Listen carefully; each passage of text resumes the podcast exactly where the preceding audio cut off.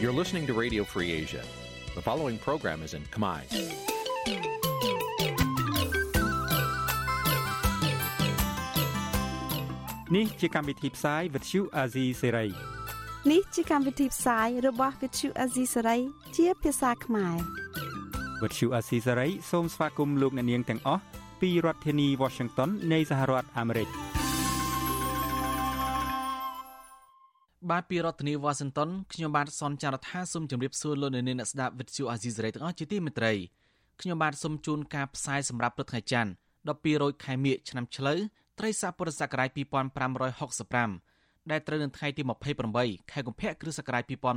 2022បាទជាបន្តទៅនេះសូមអញ្ជើញលោកអ្នកនាងស្ដាប់ព័ត៌មានប្រចាំថ្ងៃដែលមានមេត្តាដូចតទៅបេក្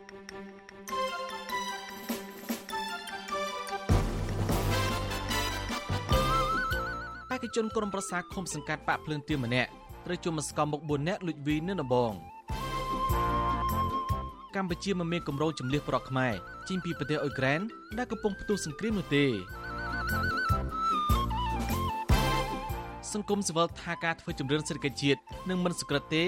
ដោយសារគម្លាតរវាងអ្នកក្រនិងអ្នកមាននៅឆ្ងាយគ្នាពេក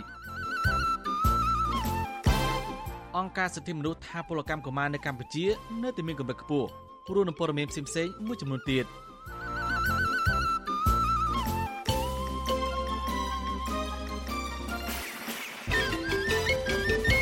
បាទជាបន្តទៅនេះខ្ញុំបាទសនចាររថាសូមជូនព័ត៌មានពិស្ដាបេក្ខជនក្រុមប្រឹក្សាឃុំសង្កាត់គណៈបកភ្លឿនទៀនលេខរៀងទី1នៅឃុំស្វាយរលំស្រុកស្អាងខេត្តកណ្ដាលត្រូវបានជន់មកស្គមមុខ4នាក់ជិះម៉ូតូលួចវាយពីក្រោយនៅដំបងក្នុងពេលក៏កំពុងធ្វើដំណើរតាមម៉ូតូចេញពីលើកស្លាកគណៈបកនេះ នៅប្រាច់ហូកាលពីល្ងាចថ្ងៃទី27កុម្ភៈបាទពីរដ្ឋធានីវ៉ាស៊ីនតោនលោកមួនណារ៉េតរាយការណ៍ព័ត៌មាននេះបេក្ខជនក្រុមប្រឹក្សាឃុំសង្កាត់គណៈបកភ្លើងទៀននៅខេត្តកណ្ដាលដែលត្រូវជន់មិនស្គាល់មុខទាំង4នាក់លបវាយនឹងដំបងនោះគឺលោកមីសភ័ណ្ឌអាយុ27ឆ្នាំធ្លាប់ជាសកម្មជនគណៈបកសង្គ្រោះជាតិនិងធ្លាប់ជាប់ពន្ធនាគារ6ខែដោយសារតែការសរសេរសាររិះគន់រដ្ឋាភិបាលលោកហ៊ុនសែនតាម Facebook មន្ត្រីគណៈបកភ្លើងទៀនប្រាប់វិទ្យុអាស៊ីសេរីកាលពីយប់ថ្ងៃទី27ខែកុម្ភៈថាសាកសីនៅកន្លែងកើតហេតុស្គាល់ភិនភៀកជនល្មើសត្រឹមតែថាអ្នកទាំង4នោះជាក្មេងស្ទាវជិះម៉ូតូពីរគ្រឿងម៉ាអាយស្នើម្នាក់ពាក់អាវសម្នាក់ពាក់អាវក្រហម ម្នាក់ទៀតពាក់អាវលឿងនិងអ្នកទី4ពាក់អាវខ្មៅអ្នកទាំងនោះបានកាន់ដំបងវាយលោកមីសុភ័ណ្ឌពីក្រោយធ្វើឲ្យបែកមួកការពារសវត្ថិភាពក៏ប៉ុន្តែមិនបណ្ដាលឲ្យរងរបួសនោះទេ ហេតុការណ៍នេះបានកើតឡើងកាលពីវេលាម៉ោង7:00ល្ងាចថ្ងៃទី27ខែកុម្ភៈនៅភូមិលេខ1កសង្កាត់ស្វាយរលំក្រុងតាខ្មៅខេត្តកណ្ដាលភ្លាមភ្លាមក្រោយវេជនរងគ្រោះរួចជនល្មើសបានបើកម៉ូតូគេចខ្លួនបាត់ចំណែកឯជនរងគ្រោះគាត់បានជិះម៉ូតូទៅដាក់បណ្ដឹងនៅប៉ុស្តិ៍ប៉ូលីសសង្កាត់នោះដែរក៏ប៉ុន្តែសង្កាត់បិទទ្វារគ្មានមន្ត្រីប្រចាំការដើម្បីទទួលបណ្ដឹងនោះទេ លេខាធិការគណៈបកភ្លើងទៀនប្រចាំខេត្តកណ្ដាលលោកផុនសុភា ថាលោកមីសុភ័ណ្ឌជាមនុស្សស្លូតបូតមិនមានទំនាស់ឬគំនុំគុំគួនជាមួយនឹងនរណានោះទេលោកបន្តថាលោកមីសុភ័ណ្ឌសកម្មនៅក្នុងការងារបកភ្លើងទៀនលោកផុនសុភាថាការលបវាយនេះគឺជាផែនការរៀបចំទុកជាមុនរបស់ជនល្មើសក្នុងន័យធ្វើទុកបុកម្នេញផ្នែកនយោបាយទៅលើសកម្មជនគណៈបកភ្លើងទៀនពីមុនមកក៏មានសកម្មជនយើងជាច្រើនដែលរងការវាយប្រហារហើយរងមុខអត់ឃើញដូចគ្នាដែរ ហើយម្យ៉ាងវិញទៀតមិនត្រឹមតែប្រព័ន្ធនេះមានក្រមសកម្មជននិងបេក្ខជនយើងជាច្រើនដែលត្រៀមដាក់ឈ្មោះឈរឈ្មោះអ្នកគណៈបកលើងទៀននៅតាមមូលដ្ឋានហ្នឹងក៏រងការគម្រាមកំហែងជាច្រើនធ្វើឲ្យមានការស្មុគស្មាញដល់ការរៀបចំបេក្ខជនរបស់ពួកខ្ញុំខ្លាំងមែនទែន តាំងតែពីក្រោយរំលាយគណៈបកសង្គ្រោះជាតិមន្ត្រីគណៈបកកណ្ដាលអំណាចរងការរិះគន់ថាតាមលួងលោមបញ្ចុះបញ្ចូលទិញទឹកចិត្តនឹងគម្រាមកំហែងផងដើម្បីឲ្យមន្ត្រីបកប្រឆាំងចោះចូលជាមួយនឹងគណៈបកនេះមន្ត្រីគណៈបកប្រឆាំងដែលនៅក្រាញននៀលមិនព្រមចោះចូលជាច្រើនអ្នក រងការធ្វើទុកបុកម្នេញគ្រប់រូបភាពតាំងតែពីត្រូវចាប់ខ្លួនដាក់ពន្ធនាគារនិងត្រូវជន់មិនស្គាល់មុខលបវាយឲ្យរបួសរហូតដល់ស្លាប់ក៏មានដោយករណីសកម្មជនគណបកសង្គ្រោះជាតិលោកស៊ិនខុនជាដើមឥឡូវនេះនៅពេលដែលការបោះឆ្នោតក្រុមប្រឹក្សាឃុំសង្កាត់ចិត្តចូលមកដល់ការធ្វើទុកបុកម្នេញសកម្មជនបកប្រឆាំងនេះកាន់តែកម្រើកឡើងនៅទូទាំងប្រទេស ប្រធានស្ដីទីគណៈបកភ្លើងទៀនលោកថាច់សេដ្ឋាថាលោកកំពុងតែព្រួយបារម្ភអំពីសវត្ថិភាពសកម្មជនគណៈបកភ្លើងទៀននិងបរិយាកាសអាប់អួរនៅមុនការបោះឆ្នោតដោយសារតែអំពើនីតិរដ្ឋភាពឬការប្រព្រឹត្តល្មើសលើសកម្មជនគណៈបកប្រឆាំងក៏ប៉ុន្តែជនល្មើសនៅតែបន្តរួចខ្លួនបែបនេះថ្ងៃនេះយើងឃើញមានការលុបវាយដោយចេញមុខនេះដែលយើងឃើញជាក់ស្ដែងហើយថ្ងៃនេះក៏ ផងដែរក៏នៅខាងត្បូងឃុំមានទាំងប៉ូលីសនៅខាងត្បូងឃុំហ្នឹងក៏ទៅឆាឆាវនៅក្នុងពិធីប្រជុំជួបជុំរបស់គណៈបកភ្លឺទៀនផងដែរជុំវិញរឿងនេះវុទ្ធុអាស៊ីសេរីមិនទាន់អាចសុំការបំភ្លឺពីអ្នកនាំពាក្យក្រសួងមហាផ្ទៃលោកខៀវសុភ័ក្រនិងអ្នកនាំពាក្យអគ្គស្នងការនគរបាលជាតិលោកឆាយកឹមខឿនបាននៅឡើយទេ ចំណែកឯមន្ត្រីអង្គការសង្គមស៊ីវិលផ្នែកខ្លំមើលសិទ្ធិមនុស្សឯនោះវិញលោកមិនភ្ញាក់ផ្អើលទេចំពោះអំពើហិង្សាលើសកម្មជនបកប្រឆាំងព្រោះនេះមិនមែនជារឿងថ្មីនោះឡើយប្រធានអង្គការសម្ព័ន្ធភាពការពារសិទ្ធិមនុស្សកម្ពុជាហៅកាត់ថាច្រាក់លោករស់សុថាថារឿងបែបនេះកើតឡើងដដែលដដែលដែលធ្វើឲ្យលោកយល់ថាអាចជាអំពើរបស់ក្រុមដែលមានការចាត់តាំងច្បាស់លាស់ដើម្បីធ្វើទុកបុកម្នេញសម្លេងប្រឆាំងវាហាក់បីដូចជាមានគេហៅក្រុមងងឹតមួយក្រុមណា ក្នុងសង្គមយើងនឹងខ្ញុំមានការព្រួយបារម្ភដែរហើយហើយវាមានក្រុមបាត់ដៃទី3នោះទៀតស្ថានភាពនយោបាយរបស់យើងនឹងគឺមិនទាន់កក់ក្ដៅទេណានៅក្នុងការព្រួយបារម្ភឡើយតាមនៅខ្ញុំពិនិត្យមើលណាថ្មីថ្មីនេះទាំងរដ្ឋមន្ត្រីក្រសួងមហាផ្ទៃលោកសខេងនិងលោកនាយរដ្ឋមន្ត្រីហ៊ុនសែនសុទ្ធតែបានប្រកាសជាសាធារណៈ ដូចជាចង់បង្ហាញថាពួកគាត់ចង់ឲ្យបរិយាកាសបោះឆ្នោតខាងមុខប្រព្រឹត្តទៅដោយល្អនិងគ្មានការធ្វើទុកបុកម្នេញសម្លេងប្រឆាំងក៏ប៉ុន្តែលោកថាច់សេថាថាដើម្បីកុំឲ្យសារនោះគ្រាន់តែធ្វើឲ្យល្អមើលបែបប្រជាពិធដ្ឋឬដើម្បីគ្រាន់តែចង់បំភាន់ភ្នែកមហាជនខ្មែរនិងអន្តរជាតិគឺទាល់តែថ្នាក់ដឹកនាំរដ្ឋាភិបាល ចាត់ការទៅលើជនទាំងឡាយណា ដែលបានធ្វើទុកបុកម្នេញលើសកម្មជនបកប្រឆាំងដោយវែកមុខរកជននោះឲ្យឃើញ និងដាក់ទោសទណ្ឌជាកំហិត ខ្ញុំបាទមួងណារ៉េត With you Assisray ប្រធានាធិបតី Washington បានលោកនៅនាងជាទីមត្រីអង្គការសិទ្ធិមនុស្សលីកាដូរកឃើញថាគិតចាប់ពីចុងឆ្នាំ2019មកដល់បច្ចុប្បន្នមានពលរដ្ឋខ្មែរជិត200នាក់ហើយដែលរងការចាប់ប្រកាន់និងចាប់ដាក់គុកពីបទញុះញង់តើអ្នកជាប់ឃុំពីបទញុះញង់ជិត200នាក់នោះជាអ្នកណាខ្លះសូមអញ្ជើញលោកនាងរងចាំស្ដាប់បទសម្ភាសន៍អំពីរឿងនេះនៅពេលបន្តិចទៀតនេះបាទសូមអរគុណបាទលោកនាងជាទីមត្រី ក្រសួងសុខាភិបាលរកឃើញអ្នកឆ្លង COVID-19 ជិត400ករណីថ្មីទៀតដែលសុទ្ធតែជាមេរោគបំផ្លាញខ្លួនថ្មីអូមីក្រុងក្នុងនោះ28នាក់ជាករណីនាំចូលនិង344នាក់ទៀតជាករណីឆ្លងក្នុងសហគមន៍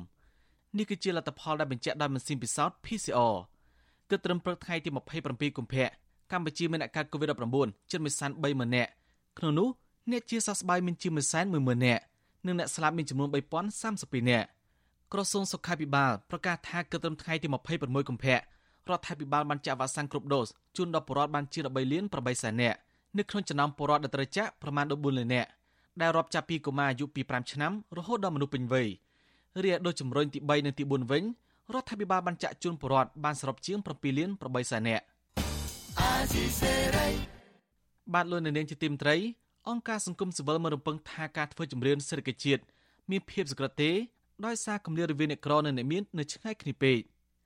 ការលើឡានេះក្នុងពេលដែលរដ្ឋាភិបាលប្រកាសថាមន្ត្រីស្ថិតិនឹងចុះប្រមូលទិន្នន័យតាមសហគ្រាសទាំងអស់ដើម្បីធ្វើជំរឿនសេដ្ឋកិច្ចជាតិលើកទី2ដែលនឹងចាប់ផ្ដើមចាប់ពីថ្ងៃទី1ដល់ថ្ងៃទី31មីនាឆ្នាំនេះអង្គការសង្គមស៊ីវិលស្វាគមន៍ចំពោះការធ្វើជំរឿនសេដ្ឋកិច្ចថ្នាក់ជាតិដើម្បីឲ្យរដ្ឋាភិបាលស្វែងរកដំណោះស្រាយបន្ថែមទៀតនៅក្នុងការទីគម្លាតជីវភាពរវាងអ្នកមាននិងអ្នកក្រឲ្យនៅគៀកគ្នា ប្រធានសមាគមប្រជាធិបតេយ្យឯករាជ្យនៃសេដ្ឋកិច្ចក្រៅប្រព័ន្ធលវនពៅ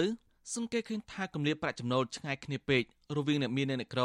គឺជាបញ្ហាដែលនាំឲ្យមានការវិតម្លៃខុសពីប្រាក់ចំណូលមធ្យមរបស់ពលរដ្ឋលោកយល់ថាប្រសិនបើរដ្ឋាភិបាលអាចធ្វើជំរឿនសេដ្ឋកិច្ចមួយប្រកបដោយភាពត្រឹមត្រូវនិងសុចរិតភាពបាននោះរដ្ឋាភិបាលអាចដោះស្រាយបញ្ហាគម្លាតជីវភាពពលរដ្ឋបាន បន្ថែមពីនេះលោកស្នើសុំអរដ្ឋាភិបាលស្រង់ទិន្នន័យពីអាជីវករក្រីក្រដែលប្រកបរបរក្រៅប្រព័ន្ធ ឬក្រុមអ្នកលក់ដូរតាមដងផ្លូវឲ្យបានច្រើនទើបអាចស្រង់ទិន្នន័យបានសុក្រិត។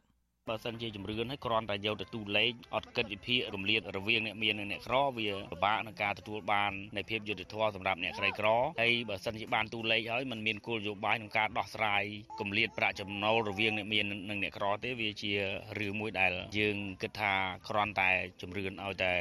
មានទូលេខយកទៅវិភាគតែប៉ុណ្ណោះ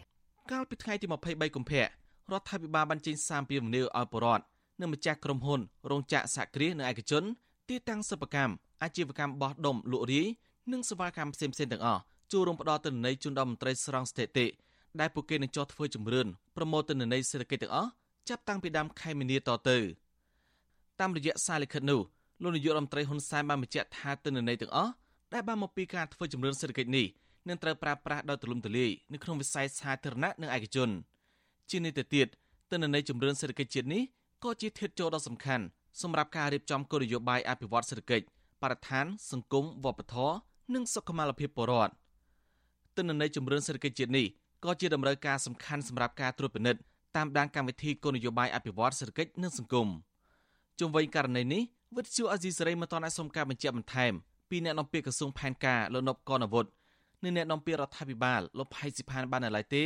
នៅថ្ងៃទី27កុម្ភៈតែទោះបីជាយ៉ាងណាកាលពីថ្ងៃទី8កុម្ភៈរដ្ឋមន្ត្រីក្រសួងផែនការលោកឆៃថនបាននៅក្នុងកិច្ចប្រជុំតាមប្រព័ន្ធអ៊ីនធឺណិតជាមួយមន្ត្រីនៃវិជាស្ថានជាស្ថិតិនិងថ្នាក់ដឹកនាំរាជធានីខេត្តទាំងអស់ដើម្បីរៀបចំដំណើរការជំរុញសេដ្ឋកិច្ចជាតិឆ្នាំ2022រួចហើយដោយត្រូវប្រើប្រាស់មន្ត្រីសម្ភារសរុបប្រមាណ5000នាក់នៅក្នុងកិច្ចប្រជុំនោះលោករដ្ឋមន្ត្រីបញ្ជាក់ថារបាយការណ៍បឋមស្ដីពីការស្រង់បញ្ជីអង្គភាពសេដ្ឋកិច្ចនៅតាមរាជធានីខេត្តទាំងអស់ បង្ហាញថាមានអង្គភាពសេដ្ឋកិច្ចសរុបជាង7សែនទីតាំងកំពុងដំណើរការទូទាំងប្រទេសក្នុងឆ្នាំ2021បើប្រៀបធៀបនឹងឆ្នាំ2011ចំនួនអង្គភាពសេដ្ឋកិច្ចទាំងនេះកើនឡើងជិតពាក់កណ្ដាលចំណែកចំនួនពលរដ្ឋនិងភូមិសាស្ត្ររដ្ឋបាលគ្រប់គ្រងនៅថ្នាក់មូលដ្ឋានក៏មានការកើនឡើងច្រើនដែរ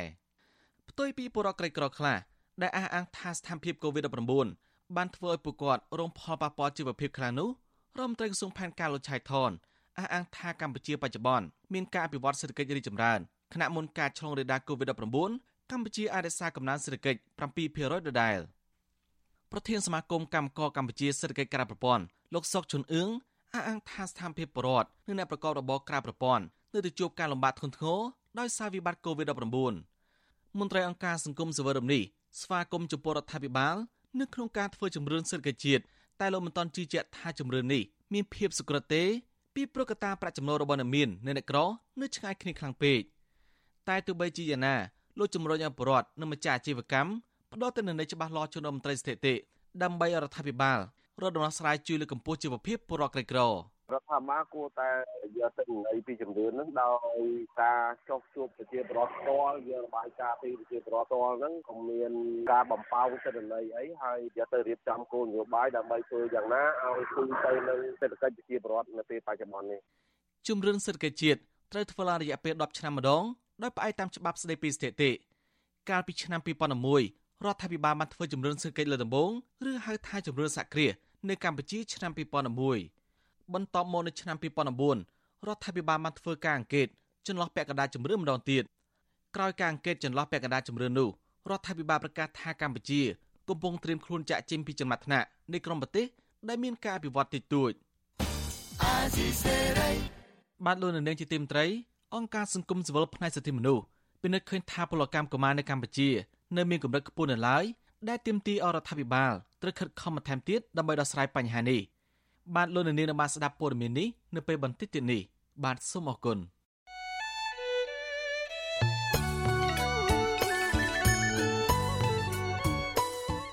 បាទលោកនាងជាទីមត្រី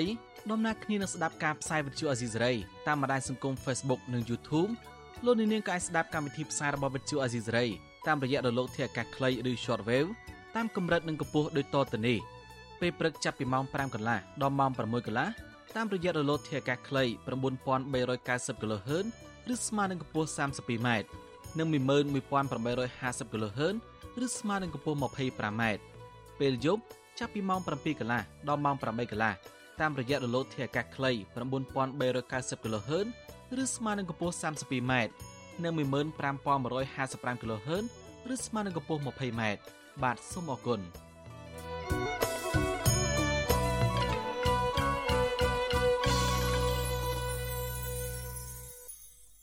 បាទលោកនៅនឹងជាទីមត្រីមន្ត្រីស្ថានទូតខ្មែរប្រចាំប្រទេសរុស្ស៊ីបញ្ជាក់ថារដ្ឋាភិបាលកម្ពុជាមិនទាន់មានផែនការជំនះបរដ្ឋខ្មែរចេញពីប្រទេសអ៊ុយក្រែនទេដោយត្រឹមតែតាក់ទងដើម្បីស្វែងយល់ពីស្ថានភាពរបស់ពួកគេប៉ុន្តែមន្ត្រីអង្គការសង្គមស៊ីវិលទូទួយដល់រដ្ឋាភិបាលឲ្យធានានូវសវត្ថិភាពនិងការពារអាយុជីវិតពលរដ្ឋដែលធានាដោយច្បាប់បាទពីរដ្ឋធានីវ៉ាស៊ីនតោនលោកមេរិតរាយការណ៍ព័ត៌មាននេះ មន្ត្រីស្ថានទូតខ្មែរប្រចាំប្រទេសរុស្ស៊ីបញ្ជាក់ថាស្ថានទូតពុំមានលទ្ធភាពជួយអន្តរាគមន៍ជំលៀសពលរដ្ឋខ្មែរចេញពីប្រទេសអ៊ុយក្រែននោះទេ ដោយទុកឲ្យរដ្ឋាភិបាលជាអ្នកសម្រេចចិត្តជំវិញរឿងនេះវិញខណៈដែលសង្គ្រាមរវាងរុស្ស៊ីនិងអ៊ុយក្រែនកំពុងបន្តផ្ទុះឡើងយ៉ាងក្តៅគគុកទីប្រឹក្សាស្ថានទូតកម្ពុជាប្រចាំប្រទេសរុស្ស៊ីលោកម៉ែនតូនប្រាវិសុស៊ីស្រីថាកាលពីថ្ងៃទី26ខែកុម្ភៈ ពលរដ្ឋខ្មែររស់នៅក្នុងប្រទេសអ៊ុយក្រែនបានតាក់ទងមកស្ថានទូតដែលបញ្ជាក់ថាពួកគាត់កំពុងមានសុវត្ថិភាពក៏ប៉ុន្តែលោកនៅតែព្រួយបារម្ភអំពីស្ថានភាពនិងសុវត្ថិភាពរបស់ពួកគេ ដែលកំពុងរស់នៅទីនោះខណៈប្រព័ន្ធទំនាក់ទំនងជួបនៅការលំបាកដោយសារតែប្រទេសរុស្ស៊ីបិទបណ្ដាញសង្គមមួយចំនួន លោកបញ្ជាក់ថារហូតមកដល់ពេលនេះស្ថានទូតនៅមិនទាន់ទទួលបានការណែនាំពីក្រសួងការបរទេសកម្ពុជាជុំវិញផែនការជំលៀសពលរដ្ឋខ្មែរចេញពីប្រទេសអ៊ុយក្រែននៅឡើយទេលោករំពឹងថានៅក្នុងកលៈទេសៈសង្គ្រាមបែបនេះពួកគាត់នឹងយល់ច្បាស់អំពីការត្រៀមស្បៀងអាហារនិងការស្វែងរកទីកន្លែងមានសុវត្ថិភាពព្រមទាំងអនុវត្តនូវវិធានការរបស់រដ្ឋាភិបាលរៀងៗខ្លួន។ ក្នុងទៅរឿងជំនឿមិនជំនឿអីខ្ញុំអត់មានសូម្បីតែជនជាតិថៃជនជាតិអីដែលគេមានលទ្ធភាពគេអាចយកកប៉ាល់ហោះដាប់គេក៏ធ្វើអត់កើតដែរចឹងដើម្បីដល់ខ្មែរយើងយើងវាពិបាកនិយាយពីដល់លទ្ធភាពដូចគេចឹងណាខ្ញុំខ្ញុំមិនដឹងថាទុកឲ្យឆ្លាក់លើជាសមាជិកខ្ញុំនេះក៏តែទូទៅក្រសួងការបរទេសបានដោយសារខ្ញុំនៅទីនេះប្រហែលថ្ងៃនេះដោយសារការងារចឹងទៅយើងមិនទាន់ទទួលបានព័ត៌មានអីមកពីខាងក្នុងប្រទេសដែរដោយសារបញ្ហាបណ្ដាញមួយចំនួនគឺពិបាកទាក់ទងគ្នាបាទ ចំណែកឯនិស្សិតខ្មែរសិក្សាផ្នែកវិស្វកម្មនុយក្លេអ៊ែរនៅប្រទេសរុស្ស៊ីលោកខឿនចន្ទោប្រាវិសុយស៊ីសេរីថានៅប្រទេសអ៊ុយក្រែនពុំមាននិស្សិតខ្មែរសិក្សានៅទីនោះទេក៏ប៉ុន្តែមានពលរដ្ឋខ្មែររស់នៅទីនោះដោយមួយចំនួនបច្ចុប្បន្នពួកគាត់កំពុងស្នាក់នៅក្នុងផ្លូវរថភ្លើងក្រោមដីដើម្បីរក្សាសុវត្ថិភាព និងរួចផុតពីគ្រោះថ្នាក់នៃសង្គ្រាម លោកបារម្ភពីសវត្ថិភាពរបស់ពលរដ្ឋខ្មែរនៅក្នុងប្រទេសអ៊ុយក្រែនដែលកំពុងទទួលរងនៅសង្គ្រាមឈ្លានពានពីសំណាក់ប្រទេសរុស្ស៊ីគាត់ថាស្ថានភាពនៅអ៊ុយក្រែនហ្នឹងក៏វារៀងវឹកវរដែរបងសម្រាប់អញ្ចឹងនៅក្រៅមេត្រូបងដើម្បីរក្សាសុវត្ថិភាពដោយសារនៅមេត្រូហ្នឹងវាជ្រៅទៅខាងក្នុងដី វិសុយស៊ីស្រីមិនអាចតាក់ទងแนะនាំពាក្យក្រសួងការបរទេសកម្ពុជា លោកជុំសន្តិរីដើម្បីបញ្ជាក់ជុំវិញរឿងនេះបាននៅឡើយទេនៅថ្ងៃទី27ខែកុម្ភៈក្រសួងការបរទេសកម្ពុជាធ្លាប់ឲ្យដឹងថាតៃតនិស្សិតខ្មែរចំនួន23នាក់និងក្រុមគ្រួសាររបស់ពួកគេកំពុងរស់នៅក្នុងប្រទេសអ៊ុយក្រែនកាលពីថ្ងៃទី26ខែកុម្ភៈលោកជុំសន្តិរីប្រាប់សារព័ត៌មានក្នុងស្រុកថាកម្ពុជាគ្មាននិស្សិតរៀននៅប្រទេសអ៊ុយក្រែននោះទេ ក៏ប៉ុន្តែមានតែអតីតនិស្សិតខ្មែរដែលកំពុងរស់នៅទីនោះតាំងពីទសវត្ស1980និងខ្លះទៀតនៅទសវត្ស1990លោកថាបច្ចុប្បន្នស្ថានទូតខ្មែរនៅប្រទេសរុស្ស៊ីកំពុងព្យាយាមតាក់ទងពលរដ្ឋទាំងនោះដើម្បីស្វែងយល់ពីស្ថានភាពរបស់ពួកគេ កាលពីថ្ងៃទី24ខែកុម្ភៈលោកនាយករដ្ឋមន្ត្រីហ៊ុនសែនថ្លែងថាលោកចង់ឃើញចំនួននៃប្រទេសអ៊ុយក្រែននិងរុស្ស៊ីដោះស្រាយគ្នាដោយសន្តិវិធី ក៏ប៉ុន្តែលោកពុំបានថ្លែងថ្កោលទោសឬហៅអំពើវាយប្រហាររបស់ប្រទេសរុស្ស៊ីមកលើប្រទេសអ៊ុយក្រែនថាជាការឈ្លានពាននោះទេ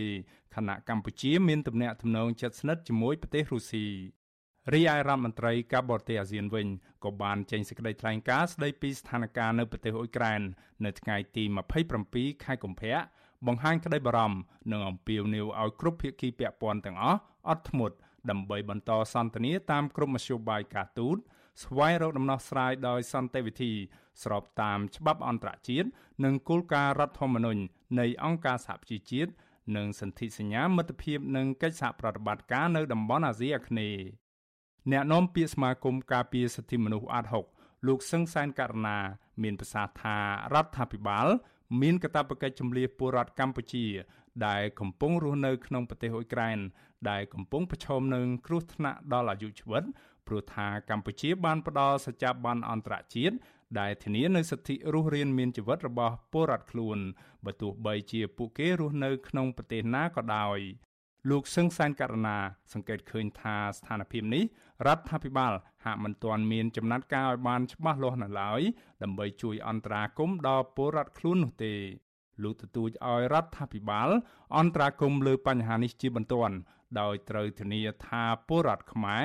មិនត្រូវបាត់បង់ជីវិតនៅក្នុងសង្គ្រាមនេះទេ យើងមានពលរដ្ឋដែលជាឈាមជ័រខ្មែរដូចគ្នានៅប្រទេសអ៊ុយក្រែនអញ្ចឹងយើងមានការព្រួយបារម្ភអំពីសេចក្តីសុខនិងសុវត្ថិភាពរបស់ពួកគាត់ហើយទន្ទឹមនឹងការព្រួយបារម្ភនេះយើងក៏ទទូចឲ្យថាភិបាលកម្ពុជាយើងសូមលោកពិនិត្យមើលលទ្ធភាពយ៉ាងណាជួយពួកគាត់ឲ្យបានទាន់ពេលវេលាហើយគួរតែមានការទៅចែករឿងនេះជាអតិភិប ខុសពីប្រទេសកម្ពុជាមកទល់ពេលនេះរដ្ឋាភិបាលនៃប្រទេសថៃបានចាប់ផ្ដើមជំនះប្រជាពលរដ្ឋរបស់ខ្លួនចេញពីប្រទេសអ៊ុយក្រែនជាបណ្ដាបណ្ដាមកកាន់ប្រទេសប៉ូឡូញហើយដែលមានព្រំដែនជាប់ប្រទេសអ៊ុយក្រែនបន្ទាប់មកពួកគេនឹងឡើងយន្តហោះពិសេសមកកាន់ប្រទេសថៃមាត្រា33នៃរដ្ឋធម្មនុញ្ញចែងថាប្រជាពលរដ្ឋខ្មែរដែលកំពុងរស់នៅឯបរទេសត្រូវបានរដ្ឋគាំពៀចំណែកឯមាត្រា35វិញចែងថា សេចក្តីស្នើទាំងឡាយរបស់ប្រជាពលរដ្ឋត្រូវបានទទួលការពិនិត្យនិងដោះស្រាយដោយម៉ត់ចត់ដោយអង្គការរដ្ឋខ្ញុំបាទមេរិត Visual C សេរីរាយការណ៍ពីរដ្ឋធានី Washington បានលោកនាងជាទីមន្ត្រីប្រជាប្រដ្ឋមួយចំនួននៅតំបន់ព្រំដែនខេមរទីមន្ជ័យអះអាងថាអំពើចោរកម្មកំពុងកើនឡើងច្រើននៅក្រុងប៉ោយប៉ែនដោយពុំមានអាជ្ញាធរណាទប់ស្កាត់បានទេពលរដ្ឋទាំងនោះបារម្ភអំពីទ្រព្យសម្បត្តិនិងសុវត្ថិភាពផ្ទាល់ខ្លួនហើយស្នើសុំអាជ្ញាធរពាក់ព័ន្ធ ដាក់ពង្រាយកងកម្លាំងសមត្ថកិច្ចនៅតាមមូលដ្ឋានយាមការពារសន្តិសុខជូនដល់ពួកគាត់បាទពីរដ្ឋធានីវ៉ាស៊ីនតោនលោកជីវតារីកាព័រមីនីក្រមប្រជាពលរដ្ឋនៅក្រុងប៉ោយប៉ែតលើកឡើងថាអំពើចោរកម្មបានកើតឡើងខ្លាំងក្នុងរយៈពេលប្រមាណ2ខែចុងក្រោយនេះ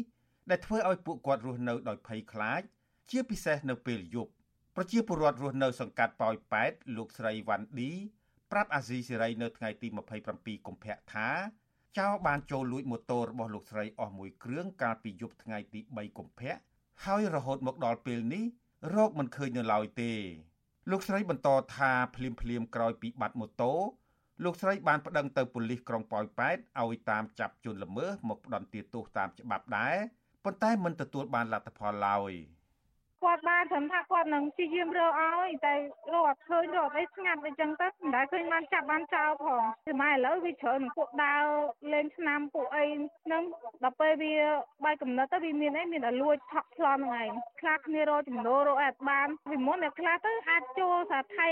អូអាទេសអូអីបានខ្លះខ្លះទៅដល់ពេលឥឡូវអត់សោះតែជាបាយកំណត់ពួកខ្ញុំហងៃបើសិនជាចោលមកភ្ជុំយកម៉ូតូទៅក៏អត់ដឹងធ្វើអីគេបានហើយបើស្ទឹងទៅក៏អត់ដឹងថាគាត់អាចនឹងជួយយើងបានអត់រឿងនឹងកើតឡើងទៅហើយវាពិបាកដោះស្រាយមកវិញហ៎ស្រដៀងគ្នានេះពលរដ្ឋនៅក្រុងប៉ោយប៉ែតម្នាក់ទៀតគឺលោកស្រីឡៃឡៃត្អូញត្អែថាប្រជាពលរដ្ឋនៅក្រុងប៉ោយប៉ែតសប្តាហ៍ថ្ងៃនេះគ្មានសវត្ថភាពនោះទេ ជាពិសេសនៅពេលយប់មានក្រុមចោរដើរលួចទ្រព្យសម្បត្តិនៅតាមមូលដ្ឋាន ជាឧទាហរណ៍លោកស្រីក៏បាត់ម៉ូតូមួយគ្រឿងដែរក្នុងពេលដែលលោកស្រីទុកនៅមុខផ្ទះកាលពីយប់ថ្ងៃទី21កុម្ភៈ ស្ត្រីវ័យ27ឆ្នាំរូបនេះបញ្ជាក់ថាលោកស្រីបានប្តឹងទៅប៉ូលីសក្រុងប៉ោយប៉ែតឲ្យជួយរកម៉ូតូមកវិញតែរហូតមកដល់ពេលនេះមិនទាន់ឃើញនៅឡើយទេគេប្រាប់ថានៅមិនទាន់បានតម្រុយបានអីអញ្ចឹងរកមុខសញ្ញាអត់ទាន់ឃើញអញ្ចឹងគាត់ថាសង្ស័យក៏សង្ស័យអញ្ចឹងខ្ញុំចង់ឲ្យអាជ្ញាធរគាត់ជួយរកម៉ូតូខ្ញុំឲ្យលឿនលឿនអញ្ចឹងឆាប់បានឃើញព្រោះអីខ្ញុំម៉ូតូនឹងខ្ញុំបងមលោះគេនឹងបងអត់ទាន់បានបងគេផ្ដាច់ផង ហើយណាមួយខ្ញុំទៅធ្វើការគ្មានអីទៅអញ្ចឹងពិបាកអាចជិះម៉ូតូដប់ទៅមួយថ្ងៃ10000ប្រាក់ខែក៏មិនច្រើនទៀតក្រមប្រជាពលរដ្ឋទាំងនេះឲ្យដឹងថា ក្នុងពេលដែលពួកគេទៅប្តឹងប៉ូលីសនោះពួកគេឃើញប្រជាពលរដ្ឋជាច្រើនអ្នកបានត្អូញត្អែពីអសន្តិសុខនៅក្នុងសង្គមដោយសារអំពើចោរកម្មលួចម៉ូតូនិងទ្រព្យសម្បត្តិមួយចំនួនទៀតរបស់ពួកគាត់នៅពេលយប់ ប្រជាពលរដ្ឋទាំងនោះសំណូមពរដល់អាជ្ញាធរពាក់ព័ន្ធឲ្យដាក់ពង្រាយកងកម្លាំងយាមកាមការពារនៅតាមមូលដ្ឋានឲ្យបានជាប្រចាំដើម្បីរក្សាសន្តិសុខសង្គមវិទ្យុអាស៊ីសេរីមិនអាចតាក់ទងស្នងការនគរបាលខេត្តបន្ទាយមានជ័យលោកសិតឡោះនិងអភិបាលក្រុងប៉ោយប៉ែតលោកគៀតហ៊ុលដើម្បីសូមអត្ថាធិប្បាយជុំវិញបញ្ហានេះបានទេនៅថ្ងៃទី27កុម្ភៈដោយទូរស័ព្ទចូលជាច្រើនដងតែពុំមានអ្នកទទួល។ ប៉ុន្តែចៅសង្កាត់ផ្សារកណ្ដាលក្រុងប៉ោយប៉ែតលោកស្រិលអិនប្រាប់អាស៊ីសេរីថា នៅតំបន់ព្រំដែនក្រុងប៉ោយប៉ែតពុំមានអំពើចោរកម្មកើតច្រើនដោយការលើកឡើងរបស់ពលរដ្ឋនោះទេ ពីព្រោះលោកថាអាញាធរបានដាក់ពង្រាយកងកម្លាំងយាមការពារសន្តិសុខជាប្រចាំលោកបញ្ជាក់ថានៅសង្កាត់ផ្សារកណ្ដាលមានមន្ត្រីប៉ូលីសជាង10នាក់ប្រជាការពារភូមិចំនួន130នាក់ព្រមទាំងមន្ត្រី PM និងប៉ូលីសនៃអធិការដ្ឋាននគរបាលក្រុងប៉ោយប៉ែតជាច្រើនអ្នកទៀតបានចុះល្បាតនៅតាមមូលដ្ឋានជារៀងរាល់យប់កម្លាំងអន្តរាគមរបស់អធិការនគរបាលកម្លាំងកងរាជអាវុធអន្តរាគមរបូតតាអើគាត់ថាតែក្រមជក់ក្រមស៊ីអានឹងខ្ញុំមិនមានថាទេបើក្រមជក់មកហាត់កាវវាមិនចេញមិនបានទេបើរឿងចោរកម្មមិនមានទេសបាយការខ្ញុំមួយខែចូលមួយខែវាពី3ខែហ្នឹងមានមួយចូលលួចម៉ូតូសតតែអ្នកដែលហៅថាសតិបញ្ញាមិនល្អទីហោតតែគាត់បាត់មកដីបាត់អីគាត់មកយកម៉ូតូគេចឹងទៅគេចាប់បានចឹងទៅបើឲ្យសម្បូរចោវាមិនមានទេទោះជាយ៉ាងណាប្រធានសមាគមពង្រឹងសេដ្ឋកិច្ចក្រៅប្រព័ន្ធកម្ពុជា លោកដិនពុធី សង្កេតឃើញថាប្រមាណ2ខែចុងក្រោយនេះអំពើចោរកម្មដូចជាចោរលួចម៉ូតូសម្ភារៈប្រើប្រាស់ក្នុងផ្ទះនិងទ្រព្យសម្បត្តិមួយចំនួនទៀតរបស់ប្រជាពលរដ្ឋ បានកើតមានច្រើននៅតំបន់ព្រំដែនលោកបន្តថាបញ្ហានេះដោយសារតែប្រជាពលរដ្ឋអត់ការងារធ្វើបណ្ដាលមកពីវិបត្តិជំងឺ Covid-19 ស្របពេលដែលអាជ្ញាធរកម្ពុជានិងថៃបានបិទច្រកព្រំដែនប្រទេសទាំងពីរយូរពេកមន្ត្រីសង្គមស៊ីវិលរូបនេះក៏សម្គាល់ថា ជារឿយរឿយទ្រព្យសម្បត្តិរបស់ប្រជាពលរដ្ឋដែលត្រូវបានចោរលួចនោះកម្រឃើញអាជ្ញាធរពាក់ព័ន្ធចាប់ជនល្មើសមកផ្ដន់ទោសតាមច្បាប់ណាស់ ជាងនៅទូទីសមត្ថកិច្ចទៅទៅការពារសន្តិសុខសម្ដាប់ធ្នាប់សង្គមជូនប្រជាពលរដ្ឋរស់នៅជាទូទៅប៉ុន្តែជាក់ស្ដែងយើងឃើញថាវាចន្លោះប្រហោងច្រើនណាស់ពាក់ព័ន្ធនឹងការងារចោរកម្មក៏ដូចជាក្មេងកាប់គ្នាអីចឹងដូចថ្ងៃមុនអីមានក្មេងកាប់គ្នាអីចឹងអត់ឃើញមានប៉ូលីសអីដេញចាប់ដេញអីផងហើយមនុស្ស50នាក់ដេញកាប់មនុស្ស3 4នាក់អីរត់គេចចូលទៅតំបន់ផ្ទះរបស់ខ្ញុំនិងបងប្អូនខ្ញុំយើងឃើញថាវាអត់មានសមត្ថកិច្ចអីណាតាមចាប់ពួកជនល្មើសហ្នឹង លោកដិនពុទ្ធីបន្តថាដើម្បីដោះស្រាយបញ្ហានេះអាជ្ញាធរពាក់ព័ន្ធត្រូវអនុវត្តទៅលើជនប្រព្រឹត្តឲ្យធ្ងន់ធ្ងរតាមច្បាប់ហើយប្រញាប់ចរចាជាមួយអាជ្ញាធរថៃបើកច្រកព្រំដែនប្រទេសទាំងពីរឲ្យបានឆាប់ដើម្បីឲ្យពលរដ្ឋប្រកបរបររកប្រាក់ចំណូលដោះស្រាយជីវភាពឡើងវិញលោកបារម្ភថាប្រសិនបើអាជ្ញាធរមិនឆាប់ដោះស្រាយបញ្ហានេះទេនោះអំពើចោរកម្មនឹងកើតមានកាន់តែច្រើន ដែលធ្វើឲ្យប្រជាពលរដ្ឋបន្តរស់នៅដោយការភ័យខ្លាចខ្ញុំជីវិតាអាស៊ីសេរី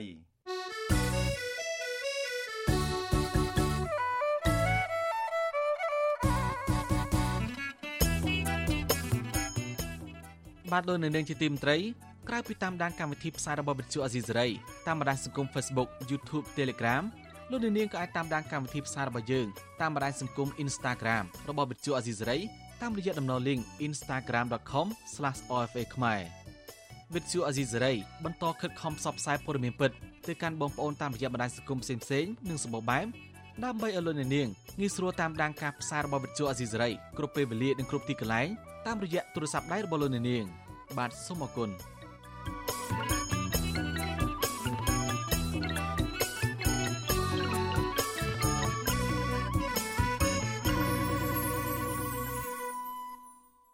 បាទលោកអ្នកនាងជាទីមត្រីអង្គការសង្គមស៊ីវិលផ្នែកសិទ្ធិមនុស្សពិនិត្យឃើញថាកម្ពុជានៅតែមានពលកម្មកុមារកម្រិតខ្ពស់នៅឡើយ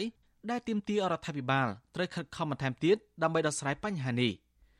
ប៉ុន្តែមន្ត្រីចុងខ្ពស់រដ្ឋាភិបាលអះអាងថាពលកម្មកុមារត្រូវបានកាត់បន្ថយច្រើនមកហើយហើយថារដ្ឋាភិបាលកំពុងដោះស្រាយបញ្ហានេះបន្ថែមទៀតបាទពីរដ្ឋធានីវ៉ាស៊ីនតោនលោកមួនណារ៉េតរាយការណ៍ព័ត៌មាននេះ ក្រុមអង្គការសង្គមស៊ីវិលអំពាវនាវដល់រដ្ឋាភិបាលឲ្យយកចិត្តទុកដាក់ខ្ពស់លើរឿងពលកម្មកុមារដោយសារតែបញ្ហានេះនៅតែកើតមាននិងកំពុងតែគំរាមកំហែងដល់អនាគតកុមារកម្ពុជាជាច្រើនរូបនាយកទទួលបន្ទុកកិច្ចការទូតនៃអង្គការសិទ្ធិមនុស្សលីកាដូលោកអំសំអាតទទួលស្គាល់ថារដ្ឋាភិបាលតាមរយៈក្រសួងការងារបានចុះអប់រំផ្សព្វផ្សាយអំពីពលកម្មកុមារក៏ប៉ុន្តែចំណាត់ការនេះមិនទាន់អាចដោះស្រាយបញ្ហានេះឲ្យមានប្រសិទ្ធភាពនៅឡើយទេ លោកបន្តថាការប្រាស្រ័យពលកម្មកុមារនៅតែបន្តកើតមានតាមសិប្បកម្មលអិតរោងចក្រសហគ្រាសខ្នាតតូចនិងមធ្យមព្រមទាំងការងារតាមផ្ទះលោកយល់ថាក្រសួងការងារគួរតែចាត់ការលុបបំបាត់ពលកម្មកុមារជាបញ្ហាអាទិភាពមួយដែលត្រូវដោះស្រាយសម្រាប់ឆ្នាំ2022និងសម្រាប់ពេលអនាគត ពលកម្មលើកុមារនេះក៏វាជារឿងមួយដែលធ្ងន់ធ្ងរដែរហើយកន្លងមកក៏យើងឃើញមានសហរដ្ឋអាមេរិកនិងបណ្ដាប្រទេសមួយចំនួនទៀតក៏មានការចាប់អារម្មណ៍ដែរហើយនៅក្នុងនឹងដូច GSP ដូចរឿងផ្សេងផ្សេងទៀតក៏គេភ្ជាប់ជាមួយនឹងទម្រង់និពលកម្មអាក្រក់របស់កុមារនឹងផងដែរដែលខ្ញុំមើលទៅវានៅតែជាអតិភិបរបស់ក្រសួងការងារក្នុងការដាក់ទិសដៅក្នុងការតបស្កាត់ទម្រង់ពលកម្មអាក្រក់លើកុមារបន្តទៅទៀតណា ការលើកឡើងរបស់តំណាងអង្គការសិទ្ធិមនុស្សរូបនេះកើតមានឡើងក្រោយពីក្រសួងការងារបានបិទបញ្ចប់សន្និបាតបូកសរុបលទ្ធផលការងាររបស់ខ្លួនសម្រាប់ឆ្នាំ2021និងលើកទិសដៅការងារបន្តសម្រាប់ឆ្នាំ2022កាលពីពេលថ្មីៗនេះក្រសួងការងារឲ្យដឹងតាមសេចក្តីជូនដំណឹងថានៅក្នុងឆ្នាំ2021កន្លងទៅក្រសួងបានចុះផ្សព្វផ្សាយទប់ស្កាត់ការប្រើប្រាស់ទម្រង់ធ្ងន់ធ្ងរបំផុតនៃពលកម្មកុមារនិងការងារដោយបង្ខំ ហើយបានដកហូតនិងទប់ស្កាត់ពលកម្មកុមារចំនួន350នាក់ក្រសួងបានដាក់ទិសដៅការងារចំនួន14ចំណុចដែលត្រូវអនុវត្តបន្តនៅឆ្នាំ2022ក៏ប៉ុន្តែមិនមានចំណុចណាមួយនិយាយអំពីការទប់ស្កាត់ពលកម្មកុមារនោះឡើយវិទ្យុអាស៊ីសេរីមិនអាចតាក់ទងណែនាំពាក្យក្រសួងការងារលោកហេងសួរដើម្បីបកស្រាយរឿងនេះបានទេក៏ប៉ុន្តែតំណាងស្ថាប័នសិទ្ធិមនុស្សរបស់រដ្ឋាភិបាលអះអាងថាពលកម្មកុមារនៅកម្ពុជាមិនមានកម្រិតធ្ងន់ធ្ងរដូចពីមុននោះឡើយ។ សមាជិកនិងជាអ្នកណែនាំពាក្យគណៈកម្មាធិការសិទ្ធិមនុស្សកម្ពុជាលោកកតាអូនថ្លែងថាយោងតាមរបាយការណ៍ចុងក្រោយឆ្នាំ2022របស់ក្រសួងការងារករណីពលកម្មកុមារមានការកាត់បន្ថយច្រើន ជាពិសេសលោកអះអាងថាពលកម្មកុមារនៅតាមសិប្បកម្មលអិតលែងមានតទៅទៀតហើយហើយពលកម្មកុមារដែលនៅមានខ្លះៗនោះគឺជាការងារតាមផ្ទះ លោកបញ្ជាក់ថារដ្ឋាភិបាល នៅតែយកចិត្តទុកដាក់ខ្ពស់នៅក្នុងការទប់ស្កាត់ពលកម្មកុមារនិងស្វាគមន៍កិច្ចសហការជាមួយភាគីពាក់ព័ន្ធរួមទាំងអង្គការសង្គមស៊ីវិលផងដែររបាយការណ៍ទូទាំងប្រទេសចំពោះសិទ្ធិកម្មលអិតយើងលែងមានបញ្ហាពលកម្មកុមារទៀតហើយប៉ុន្តែបញ្ហាដែលមានភាពមិនខ្ពល់ក្តីមួយចំនួនដូចជាបញ្ហាពលកម្មកុមារនៅតាមផ្ទះដែលជាបញ្ហាមួយដែលយើងត្រូវមានកិច្ចសហប្រតិបត្តិការគ្នា ទាំងស្ថាប័នរដ្ឋទាំងស្ថាប័នឯកជនជាពិសេសអង្គការសង្គមស៊ីវិលពីព្រោះបញ្ហាកុមារនេះគឺជាបញ្ហាសិទ្ធិមនុស្សជាបញ្ហាសំខាន់ដែលយើងទាំងអស់គ្នាត្រូវតែលុបបំបាត់ផ្ទុយពីការបកស្រាយរបស់មន្ត្រីរដ្ឋាភិបាលរូបនេះរបាយការណ៍នានាសុទ្ធតែបង្ហាញថាពលកម្មកុមារនៅតែជាបញ្ហាធ្ងន់ធ្ងរនៅក្នុងប្រទេសកម្ពុជា ស្របពេលដែលព័ត៌មានស្ដីពីគ្រោះថ្នាក់ការងារកើតលើកុមារបានលេចចេញជាហូរហែ សហព័ន្ធសហជីពកម្មករសំណង់និងព្រៃឈើកម្ពុជា បានស្រាវជ្រាវនៅតាមសិប្បកម្មលអិតប្រមាណ30កន្លែងនៅខេត្តជុំវិញរាជធានីភ្នំពេញកាលពីឆ្នាំ2018រកឃើញថាកុមារអាយុក្រោម18ឆ្នាំជាង600នាក់ធ្វើការជាមួយនឹងឪពុកម្ដាយនៅក្នុងសិប្បកម្មលអិតហើយករណីបែបនេះនៅតែបន្តកើតមានដដែលមកដល់បច្ចុប្បន្ននេះ ស្របពេលជាមួយគ្នានេះដែររបាយការណ៍ស្ដីពីពលកម្មកុមារនិងពលកម្មដោយបង្ខំដែលចេញផ្សាយដោយក្រសួងការងារសហរដ្ឋអាមេរិកកាលពីខែកញ្ញាឆ្នាំ2021បង្ហាញថាកម្ពុជាមានការវិវត្តតិចតួចស្ដួចស្ដើងបំផុតនៅក្នុងការដោះស្រាយបញ្ហាពលកម្មកុមារនេះក្រសួងការងារសហរដ្ឋអាមេរិកគូបញ្ជាក់ថារដ្ឋាភិបាលកម្ពុជាខកខានមិនបានចាត់វិធានការឲ្យសកម្មដើម្បីស៊ើបអង្កេត ចោតប្រកាន់និងផ្ដន្ទាទោសលើមន្ត្រីសាធារណៈទាំងឡាយណាដែលចូលរួមឬក៏ជួយសម្រួលដល់ទម្រង់ធ្ងន់ធ្ងរបំផុតនៃពលកម្មកុមាររួមទាំងការកេងប្រវ័ញ្ចផ្លូវភេទលើកុមារនិងពលកម្មដោយបង្ខំដើម្បីដោះបំណុលនៅសិប្បកម្មលអិតនោះឡើយបន្ថែមលើពីនេះចក្រមមួយចំនួនត្រូវគេរាយការណ៍ថាទទួលសំណូកជាធ្នូនឹងការបញ្ចោតប្រកាន់ការទម្លាក់ចោលបាត់ចោតប្រកាន់និងការបន្ធូរបន្ថយទោសចំពោះបុគ្គលដែលប្រព្រឹត្តបទអក្រិតទាំងនេះ។ ជាមួយគ្នានេះធនធានមិនគ្រប់គ្រាន់បានធ្វើឲ្យរាំងស្ទះដល់សមត្ថភាពការងាររបស់អាជ្ញាធរជាពិសេសនៅតាមទីជនបទដែលជាកន្លែងសម្បូរដោយពលករជាកុមារ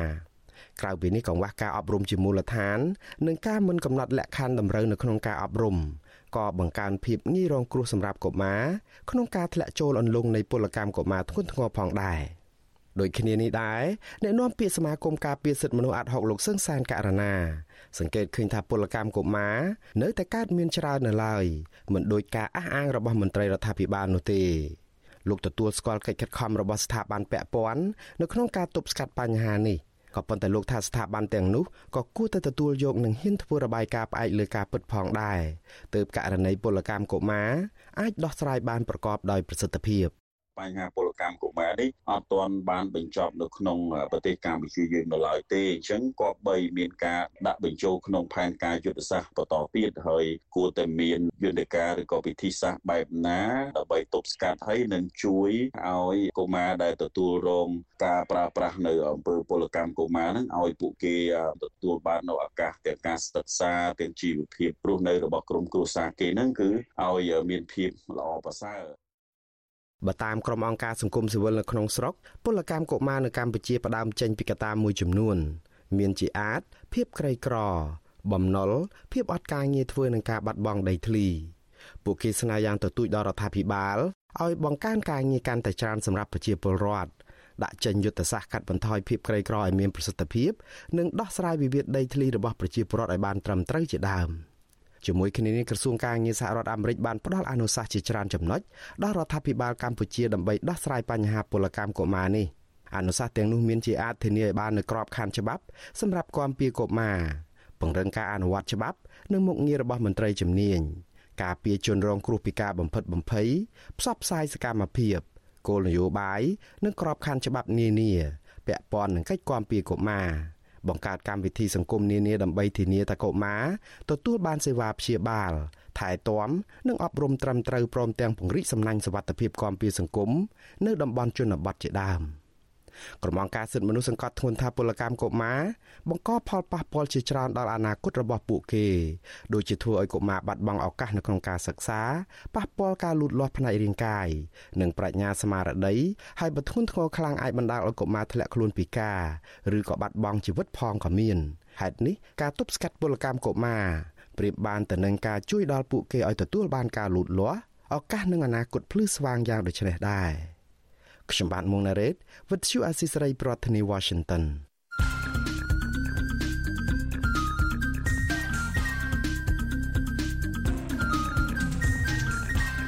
បតសំភារ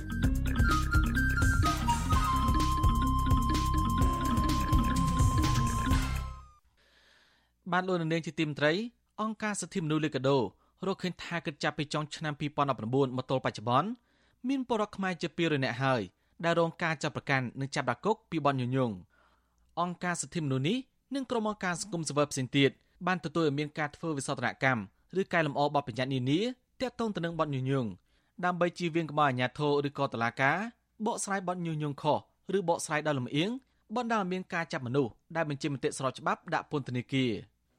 បានសូមអញ្ជើញលោកនាងស្ដាប់បទសម្ភាសន៍របស់ជីវិតាជាមួយលោកអំសំអាននាយករងទទួលបន្ទុកផ្នែកសិទ្ធិមនុស្សនៃអង្គការលីកាដូ និងមេធាវីគង់សំអនដែលបានដកស្រង់ជីងពីនីតិវេទិកាអ្នកស្ដាប់វិទ្យុអេស៊ីសេរីកាលពីរាត្រីថ្ងៃសុក្រទី24កុម្ភៈដូចតទៅលោកសំអាតតើបទយុះញងបច្ចុប្បន្ននេះវាមានភាពធ្ងន់ធ្ងរប៉ុណ្ណាដែរដែលនាំឲ្យអង្គការសង្គមស៊ីវិលមានការព្រួយបារម្ភខ្លាំងបាទចាប់ពីចុងឆ្នាំ2019មកទល់ពេលនេះមានជាង170ករណីដែលត្រូវបានចោទប្រកាន់អំពីបាត់ញុះញង់នេះ សម្បីអង្គការសហប្រជាជាតិក៏មានការព្រួយបារម្ភផងដែររយៈពេលចុងក្រោយនេះទាក់ទងនឹងការចោទប្រកាន់ទៅនឹងបទញុះញង់នេះអង្គការលីកាដូយើងបានផុសនៅក្នុងគេហទំព័រទៅលើដែលយើងកំណត់ថាអ្នកទោសមនសិការក្នុង69ករណីអញ្ចឹងមានបទចោទប្រកាន់ពីបទញុះញង់នេះគឺ49ករណីទៅហើយអញ្ចឹងវាស្មើនឹង70% នៃបទល្មើសដែលបានចោទប្រកាន់ដែលយើងបានចោទក្រងចុងក្រោយនេះគឺ69ករណីអញ្ចឹងយើងឃើញថាវាវាច្រើនដែលគួរឲ្យមានការព្រួយបារម្ភខ្លាំងទាក់ទងនឹងបទញុះញង់នេះលោកអំសម្បត្តិមានករណីជាក់ស្ដែងណាខ្លះដែលលោកអាចលើកឡើងបាទអ្នកទាំងអស់ដែលយើងចាត់ទុកថាជាអ្នកទោសអ្នកសការហ្នឹងគឺភាគច្រើនគឺគាត់ជាអ្នកការពារសិទ្ធិមនុស្ស កម្មជនបរិស្ថានឬក៏សកម្មជនគណៈបកនយោបាយអ្នកចម្រៀងឬក៏អ្នកសារព័ត៌មានជាដើមហ្នឹងចឹងហើយបានយើងជាអង្គការសង្គមស៊ីវិលនៅតែមានការព្រួយបារម្ភណាស់ពីព្រោះហើយយើងឃើញថាមានការបកស្រាយអ្វីជាបទល្មើសនៃការញុះញង់អ្វីជាសេរីភាពនៅក្នុងការបញ្ចេញមតិអញ្ចឹងយើងមើលទៅ បទសេរីភាពក្នុងការអនអំពីសេរីភាពក្នុងការបញ្ចេញមតិនេះដើម្បីជៀសវាងការបកស្រាយវិមានលក្ខណៈជាចង្អៀតនោះយើងឃើញអង្គការសហជីវជាតិបានបកស្រាយនៅមាត្រា19នៃកតិកាសញ្ញាស្ដីអំពីសិទ្ធិពលរដ្ឋសិទ្ធិនយោបាយស្ដីអំពីរឿងសេរីភាពក្នុងការបញ្ចេញមតិអញ្ចឹងគេបកស្រាយថាអ្វីជាការប៉ះពាល់កិត្តិយសអ្នកដទៃណាអ្វីជាការប៉ះពាល់ទៅដល់សម្ដាប់ធ្នាប់ សាធារណៈធ្ងន់ធ្ងរ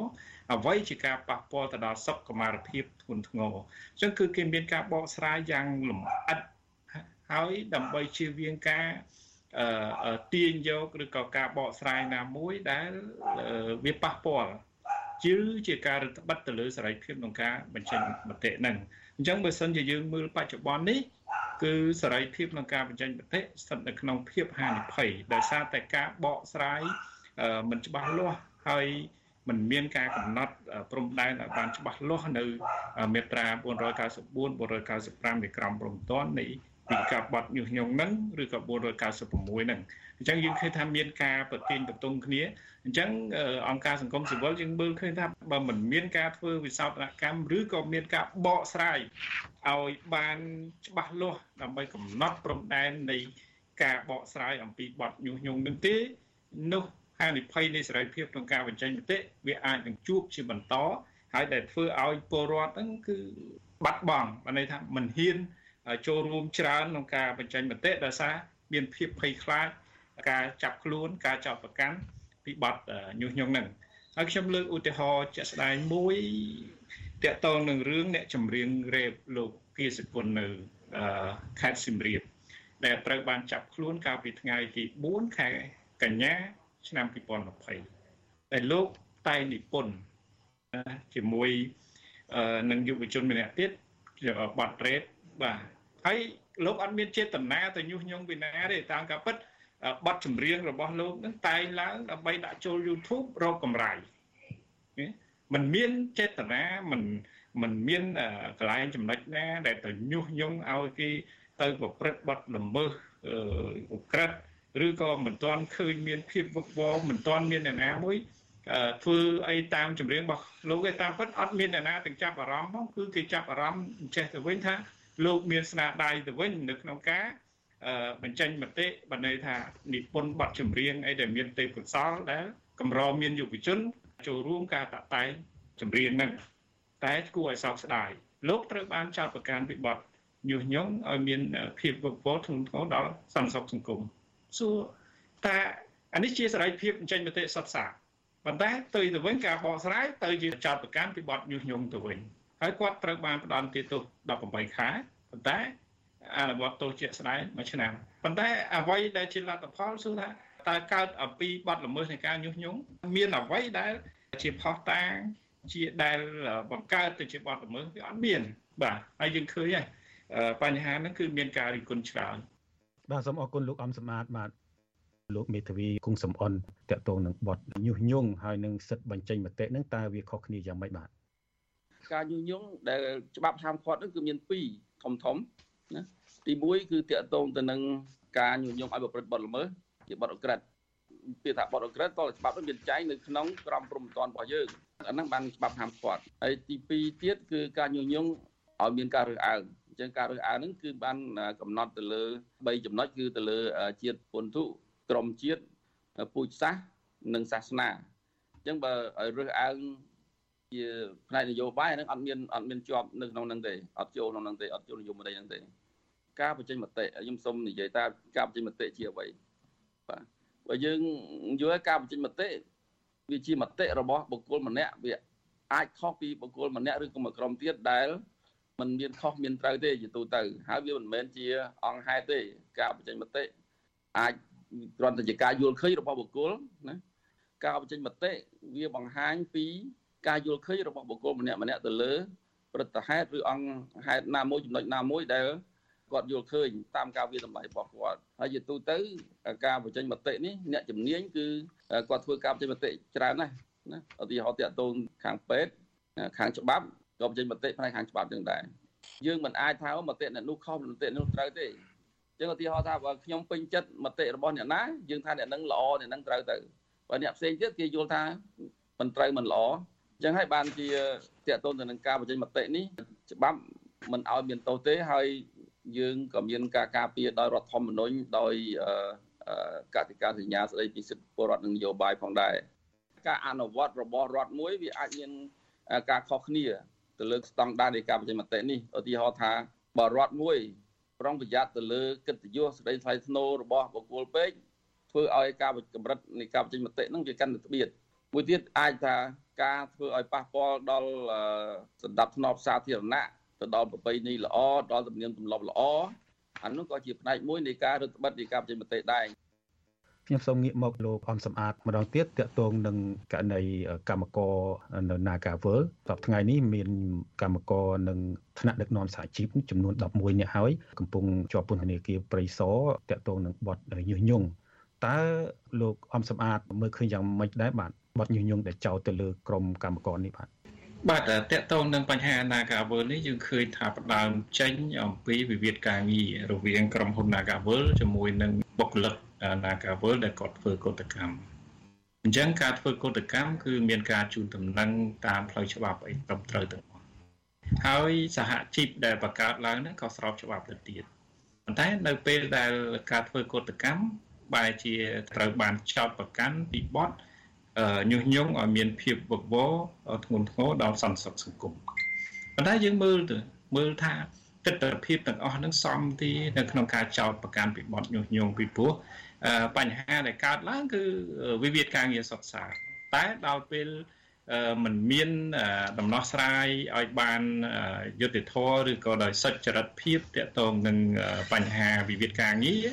បែរមកជាយកសម្ដីជាការនិយាយលេងជាអីផ្សេងហើយយើងយកមកធ្វើការចាប់ខ្លួនការចោទប្រកាន់ទៅបត់ញុះញង់នេះទៅវិញយើងស្វែងរកអ្វីដែលសម្រាប់ថាដាក់បន្ទុកទៅលើ ពួកគាត់នឹងដោយមិនមិនគិតអំពីមធ្យោបាយនៅក្នុងការដោះស្រាយនេះមានការរិះគន់នឹងកោតទោសច្រើនហើយពីសំណាក់ជាតិនិងអន្តរជាតិទាក់ទងនឹងការចាប់និងការឃុំខ្លួននឹងបាទអញ្ចឹងយើងឃើញថារឿងអ្វីក៏អាចទាញទៅរករឿងបត់ញុះញង់នឹងដែរពីព្រោះការបកស្រាយដែលមានភាពបន្លំមិនច្បាស់លាស់នឹងហើយដែលងាយទាញចូលទៅជាបត់ញុះញង់នឹងបាទ ការពិតទៅមាត្រា5នៃក្រមព្រហ្មទណ្ឌកម្ពុជានឹងបានតម្រូវឲ្យបង្គាប់ឲ្យចៅក្រមនឹងបកស្រាយច្បាប់យ៉ាងតឹងរឹងយ៉ាងប្រយ័ត្នប្រយែងយ៉ាងម៉ត់ចត់បំផុតការពិតទៅបើទោះបីជាច្បាប់នឹងមានការចន្លោះប្រហោងពាក្យពេចន៍មិនបានកំណត់និយមន័យច្បាស់លាស់ក៏ដោយក៏មានមេត្រា5នឹងបានចែងចងជើងចៅក្រមឲ្យបកស្រាយច្បាប់នឹងឲ្យតឹងរឹងដែរ លោកមេទ្វីគង់សំអនស្តើលោកយល់ឃើញយ៉ាងម៉េចដែរចំពោះសង្គមស៊ីវិលចង់ស្នើសុំឲ្យមានធ្វើវិសោធនកម្មទៅលើបញ្ញត្តិតាក់ទងនឹងបទញុះញង់នេះបាទខ្ញុំយល់ថាគួរតែមានការជជែកគ្នារវាងខាងអង្គការសង្គមស៊ីវិលជាពិសេសនៃខាងសិទ្ធិមនុស្សហ្នឹងជាមួយនឹង UN សិទ្ធិមនុស្សជាមួយរដ្ឋាភិបាលដើម្បីអាចរៀបចំជាវគ្គវឹកវើឬជាសិក្ខាសាលាពីអីដើម្បីដេញដោលពីខ្លឹមសារនៃ មេត្រាញុះញង់ហ្នឹងទៅ ដើម្បីឲ្យយល់ពីការអនុវត្តហើយយើងអាចចេញជាសេចក្តីណែនាំណាមួយដល់មន្ត្រីតុលាការទាំងអាយកាទាំងចក្រមដើម្បីបង្ហាញពីខ្លឹមសារនៃញុះញង់ហ្នឹងគួរបកស្រាយតាមបែបណា ដែលមានការអាចទទួលយកបានទាំងអស់គ្នាវាអាចយកច្បាប់ហ្នឹងទៅប្រើប្រាស់នៅពេលដែលមានការញុះញង់មែនទែន ឥឡូវនេះវាអត់មានញុះញង់ប៉ុន្តែវាជាការបញ្ចេញមតិតែត្រូវបានទទួលទោសឬកាត់ទោសដោយសារតែការបញ្ចេញមតិរបស់ខ្លួនទៅវិញបានលោកនាងទៅបានស្ដាប់បទសម្ភាសរបស់លោកជីវតាជាមួយលោកអំសំអាតនាយករងទទួលបន្ទុកផ្នែកសិទ្ធិមនុស្សនៃអង្គការលីកាដូ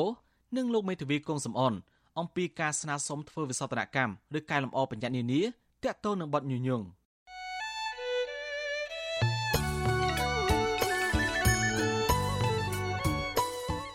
បានលោកនៅនាងជាទីមត្រី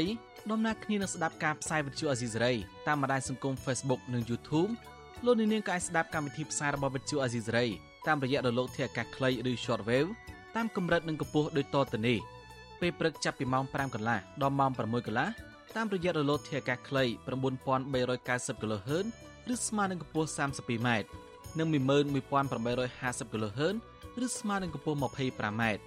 ពេលយប់ ចាប់ពីម៉ោង7កន្លះដល់ម៉ោង8កន្លះតាមរយៈរលកធាតុអាកាសខ្លី9390 kHz ឬស្មើនឹងកម្ពស់ 32m និង15155 kHz ឬស្មើនឹងកម្ពស់ 20m បាទសូមអរគុណ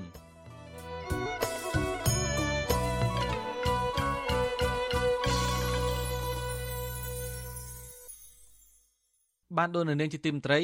សញ្ញាក្មេងស្រីដែលត្រូវអតីតមន្ត្រីនគរបាលរំលោភផ្លូវភេទកាលពី10ឆ្នាំមុន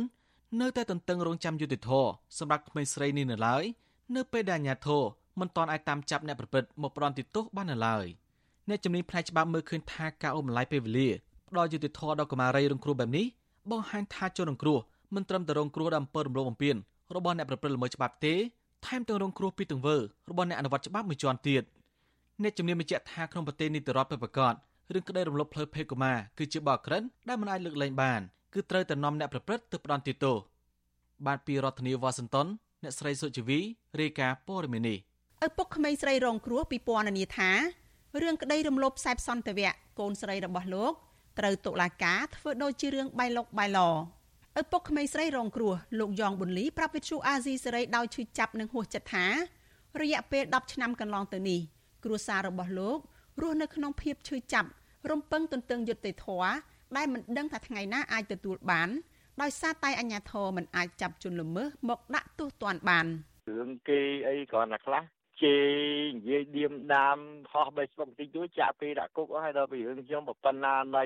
លោកក្មេងអាយុ11ឆ្នាំអីមនុស្សរួចខ្លួនដដែលហើយឈ្នះតាំងពីរាលាការដំបងអាតូកពូឈ្នះអស់ហើយឈ្នះបានតែกระដាស់ហើយអាចំណងអាលុយអត់បានអាមនុស្សអត់ជាប់គុកហ្នឹងវាឈឺចិត្តដែរលោកប៊ុនលីរំលឹកថាកូនស្រីរបស់លោក មានអាយុត្រឹម11ឆ្នាំត្រូវមន្ត្រីនគរបាលឈ្មោះកងសុផាតចាប់រំលោភកាលពីថ្ងៃទី15ខែសីហាឆ្នាំ2010លោកបានប្តឹងរឿងនេះទៅតុលាការដោយមានទឹកតាំងនិងលទ្ធផលកសលវិច័យគ្រប់គ្រាន់ថាជនល្មើសពិតជាបានរំលោភកូនស្រីលោកពិតប្រាកដមែនហើយតុលាការខេត្តប្រសេះអនុបានចេញដីកាចាប់ខ្លួនមន្ត្រីនគរបាលលោកកងសុផាត បញ្ជូនទៅតុលាការប៉ុន្តែមិនបានប៉ុន្មានផងតុលាការបានសម្រេចដោះលែងទៅវិញ ដោយមានអ្នកធានាឲ្យនៅក្រៅឃុំពេលនោះជននោះបានគេចខ្លួនបាត់ក្រោយមកតុលាការខេត្តប្រសិទ្ធអនុបានកាត់ឲ្យលោកកងសុផាតជាប់ពន្ធនាគារ5ឆ្នាំនិងផ្ដល់សំណងដល់ក្មេងស្រីរងគ្រោះចំនួន40លានរៀលព្រមទាំងចេញដីកាឲ្យតាមចាប់ខ្លួនជនជាប់ចោតប៉ុន្តែជនជាប់ចោតមិនសុខចិត្តបានបន្តរឿងនេះទៅសាលាឧទ្ធរដំបូងឡើយតុលាការជាន់ខ្ពស់មួយនេះសម្រាប់រក្សាសាលក្រមសាលាដំបងទុកជាបានការដដែល ប៉ុន្តែមួយសប្តាហ៍ក្រោយមកសាឡាវតូបានចេញដីកាលុបចោលការតាមចាប់ខ្លួនលោកកងសុផាតលោកប៊ុនលីបន្តថាពេលនោះជនជាប់ចោតបានលេចមុខនៅក្នុងភូមិថ្មីក្នុងសង្កាត់លេខ3ក្រុងប្រសិទ្ធអនុឡើងវិញភ្លាមភ្លាមដែរគេប្រាប់ប៉ូលីសប្រាប់អីចឹងខ្ញុំថាចេះមិនវាមកផ្ទះវាអត់ចាប់អត់អីចឹងដល់ប៉ូលីសទេប្រាប់ខ្ញុំវិញថា ចាំមិនគេមានដេកាអត់ចាប់អត់អីទេគេមានដេកាមួយលឹកគេខាចមហាញប៉ូលីសមកអីចឹងចុងក្រោយគឺនៅក្នុងឆ្នាំ2016តុលាការកំពូលបានសម្រេចឲ្យសាលាដំបងចេញដីកាតាមចាប់ខ្លួនឈ្មោះកងសុផាតឡើងវិញព្រះរាជអាជ្ញារងលោកហួតវិចិត្របានចេញដីកាថ្មីមួយទៀតមានន័យសេចក្តីដោយដីកាចាស់គឺតាមចាប់ខ្លួនជនជាប់ចោត ប៉ុន្តែ10ឆ្នាំមកនេះអាជ្ញាធរមិនបានចាប់ខ្លួនលោកកងសុផាតបានឡើយបើទោះបីជាគ្រួសារក្មេងស្រីរងគ្រោះបានផ្ដល់ដំណឹងថាគេបានឃើញជនជាប់ចោតនៅក្នុងខេត្តភៀកអេសាន មានដូចជាខេត្តរតនគិរីនិងខេត្តក្រចេះជាដើមលើពីនេះចំពោះសំណងចំនួន40លានរៀលតុលាការតម្រូវឲ្យដើមបណ្ដឹងរកឲ្យបាននៅទ្រព្យសម្បត្តិដែលមានឈ្មោះជនល្មើសដើម្បីឲ្យតុលាការរឹបអូសប៉ុន្តែលោកប៊ុនលីបញ្ជាក់ទាំងអស់សង្ឃឹមថា លោកនិងមេធាវីបានត្រឹមតែទទួលព័ត៌មានថាទ្រព្យសម្បត្តិទាំងអស់របស់ឈ្មោះកងសុផាតត្រូវបានលក់និងផ្ទេរឈ្មោះតាំងពីឆ្នាំ2015មកម្លេះខ្ញុំមិនដឹងដែរថារឿងខ្ញុំហ្នឹងវាដូចប្លុកប្លោវិញចែកអីណាបាទវាហួសចិត្តវាឆ្អែតឆ្អល់មកដល់ពេលនេះកូនស្រីរបស់លោកប៊ុនលីមានអាយុជាង20ឆ្នាំហើយ ប៉ុន្តែនាងមិនមានស្មារតីពេញលេញដូចក្មេងស្រីទូទៅឡើយដោយសារតែនាងធ្លាប់មានបញ្ហាប្រាជ្ញាស្មារតីកាលពីនៅក្មេងតកតោះនឹងការតាមចាប់ខ្លួនជនជាប់ចោតកងសុផាតនេះកាលពីចុងឆ្នាំ2021សារព័ត៌មានក្នុងស្រុកបានចុះផ្សាយថាព្រះអាជ្ញារងខេត្តប្រសិទ្ធអនុលោកហួតវិចិត្របានចេញដីកាតាមចាប់ខ្លួនជាថ្មីម្ដងទៀតវិទ្យុអាស៊ីសេរីមិនទាន់អាចសុំការបញ្ជាក់ពីការតាមចាប់ខ្លួនលោកកងសុផាតនេះពីស្នងការនគរបាលខេត្តប្រសិទ្ធអនុលោកជួននរិនបាននៅឡើយទេ កាលពីថ្ងៃទី24ខែកុម្ភៈប៉ុន្តែនគរបាលប៉ុស្តិ៍រដ្ឋបាលសង្កាត់ទី3លោកអុកផាណារ៉េតប្រាប់វិទ្យុអាស៊ីសេរីថាសមត្ថកិច្ចនៅតែតាមឃ្លាំមើលរឿងនេះមិនដាក់ដៃទេ ដើម្បីចាប់ខ្លួនជនជាប់ចោតគាត់ទៅស្នាក់នៅទីណាយើងអត់ទាន់បានដឹងម្ដងអញ្ចឹងបានដឹងថាស្នាក់នៅទីណានឹងរាយការណ៍ជូនថ្នាក់លើគាត់ចុះចាប់ហើយណាតែទោះជាយ៉ាងណា មន្ត្រីនគរបាលរូបនេះបានចុចបិទទូរស័ព្ទទៅវិញ នៅពេលចោតសួរថា តតើសមត្ថកិច្ចមានការលំបាកយ៉ាងណាខ្លះក្នុងការតាមចាប់ខ្លួនជនជាប់ចោទនេះតែទោះជាយ៉ាងណាអ្នកសម្របសម្រួលសមាគមការពារសិទ្ធិមនុស្សអាត6អ្នកស្រីជាបសុធារីមើលឃើញថារឿងនេះខុសប្លែកគ្នាពីរឿងក្តីដតីផ្សេងមួយចំនួនទៀតដែលអាជ្ញាធរអាចតាមចាប់ខ្លួនអ្នកសង្ស័យបានយ៉ាងងាយស្រួលបើទោះជាអ្នកទាំងនោះបានគេចទៅដល់ក្រៅប្រទេសយ៉ាងណាក៏ដោយអ្នកស្រីថាអាញាធរមិនគួរបណ្ដោយឲ្យមានអំពើនីតិរដ្ឋភាព នៅតែកើតមាននៅក្នុងសង្គមខ្មែរបែបនេះបន្តទៀតឡើយចំណែកអ្នកជំនាញច្បាប់អន្តរជាតិវិញថាក្នុងប្រទេសនីតិរដ្ឋពិតប្រាកដគេមិនអាចដំណើរការរឿងក្តីបែបត្រឡប់ត្រលិនបានទេ ជាពិសេសក្នុងរឿងក្តីរំលោភបំពានផ្លូវភេទក្មេងស្រីបែបនេះចំណុចនេះបានរំលឹកទៅដល់រឿងក្តីរំលោភក្មេងស្រីខ្មែរដោយបរិះអាមេរិកកាំម្នាក់ត្រូវបានតុលាការនៅសហរដ្ឋអាមេរិកកាត់ទោសឲ្យជាប់ពន្ធនាគារ210ឆ្នាំដោយតុលាការច្រានចោលទាំងអស់រាល់ការសុំធានាឲ្យនៅក្រៅឃុំ ដោយសារតែនេះជាបទល្មើសធ្ងន់ធ្ងរមួយអតីតនាយទាហានចូលនិវត្តន៍លោក Michael Joseph Pep អាយុ68ឆ្នាំត្រូវបានឃាត់ខ្លួនកាលពីឆ្នាំ2006នៅកម្ពុជានិងបញ្ជូនទៅដាក់ពន្ធនាគារនៅសហរដ្ឋអាមេរិកតាំងពីឆ្នាំ2007បរិះរូបនេះមានទោសដោយសារទង្វើដ៏យង់ឃ្នងទៅលើក្មេងស្រីមានទាំងក្មេងស្រីដែលមានអាយុ9ឆ្នាំម្នាក់ផងដោយការឲ្យពួកគេប្រើប្រាស់គ្រឿងញៀនចងវាយធ្វើបាបថតរូបភាពអះអាភាសនិងចាប់រំលោភពួកគេ អ្នកជំនាញច្បាប់និងនយោបាយអន្តរជាតិកញ្ញាសេងធីរីប្រាប់វិទ្យុអាស៊ីសេរីថាការបណ្តែតបណ្តោយឲ្យរឿងអយុត្តិធម៌បន្តអូសបន្លាយនិងការអនុវត្តច្បាប់តាមទំនឹងចិត្តរបស់តុលាការនៅកម្ពុជា បានធ្វើឲ្យពលរដ្ឋពិសេសក្មេងស្រីស្លូតត្រង់រងគ្រោះជាច្រើនលើកច្រើនសារឬមិនអាចរកការបញ្ចប់បានកញ្ញាថានៅពេលដែលការអនុវត្តច្បាប់ទៅជាលបឡាយបែបនេះគ្មានមធ្យោបាយអ្វីក្រៅតែពីការផ្លាស់ប្ដូរអ្នកដឹកនាំចេញទេទើបអាចរកយុត្តិធម៌ឃើញ បានចឹងអត់មានភ្ញាក់ផ្អើលអីប៉ុន្តែ ជាការស្រក់ទឹកភ្នែកម្ដងទៀតពេលលឺអែមលឺរឿងបែបហ្នឹងពីព្រោះគាត់រងគ្រោះមិនមែនត្រឹមតែនៅក្នុងការពេលវេលាដែលគេប្រព្រឹត្តលើគាត់ទេប៉ុន្តែតាំងពីនោះមកដល់សប្តាហ៍ថ្ងៃហ្នឹងហើយការរងគ្រោះគាត់ចេះតែកើនឡើងកើនឡើងងាកទៅឪពុកក្មេងស្រីរងគ្រោះលោកយ៉ងប៊ុនលីវិញលោកថាមានតែម្រាមដៃ10សំណុំពរដល់អ្នកពាក់ព័ន្ធអ្នកមានអធិបុលទាំងឡាយជួយផ្ដល់យុត្តិធម៌ដល់គ្រួសារលោកផង លោកថាលោកបានសង្ស័យអំពីអំពើពុករលួយនៅក្នុងរឿងក្តីនេះហើយបានដាក់បណ្ដឹងទៅគ្រប់ច្រកល្ហករាប់ទាំងអង្គភាពប្រឆាំងអំពើពុករលួយក្រសួងយុត្តិធម៌និងខុទ្ទកាល័យលោកនាយករដ្ឋមន្ត្រីហ៊ុនសែនផងប៉ុន្តែលទ្ធផលបានត្រឹមតែថារឿងនេះគឺជារឿងរបស់តុលាការលោកថាបើទោះបីជាក្តីសង្ឃឹមថាមានយុត្តិធម៌នោះហាក់នៅឆ្ងាយពីរឿងក្តីដែលលោកពិពណ៌នាថាជារឿងបៃលុកបៃលនេះក្តីក៏លោកអះអាងថាបើមានតុលាការណា អញ្ញាធនណាដែលលោកអាចប្តឹងបានតទៅទៀតលោកនឹងតស៊ូតទៅទៀតបើទោះបីជាគ្រួសាររបស់លោកក្រីក្រយ៉ាងណាក្តីតឡាការស្រុកខ្មែរវាអត់យុត្តិធម៌អញ្ចឹងបាយបិណ្ឌបាយបាតវិញខ្ញុំមិនយល់ដែរចង់និយាយថាអត់មានកន្លែងផ្សេងពួកខ្ញុំមិនដឹងប្តឹងណាបើតឡាការវាអស់ហើយតឡាការស្រុកខ្មែរកំពូលអស់ហើយលើទៅដឹងនៅណាទៀតទាំងអ្នកច្បាប់និងសង្គមស៊ីវិលកោតសរសើរ និងអាណិតអាសូរដល់ការព្យាយាមស្វែងរកយុត្តិធម៌របស់គ្រួសារលោកប៊ុនលី នៅពេលដែលលោកមានមុខរបរត្រឹមតែជាកម្មករសំណង់និងរត់ម៉ូតូឌុបបានចំណាយពេលវេលាថវិកានិងចិត្តតស៊ូអស់រយៈពេល10ឆ្នាំមកនេះនាងខ្ញុំសុជីវីវិទ្យុអាស៊ីសេរីពីរដ្ឋធានី Washington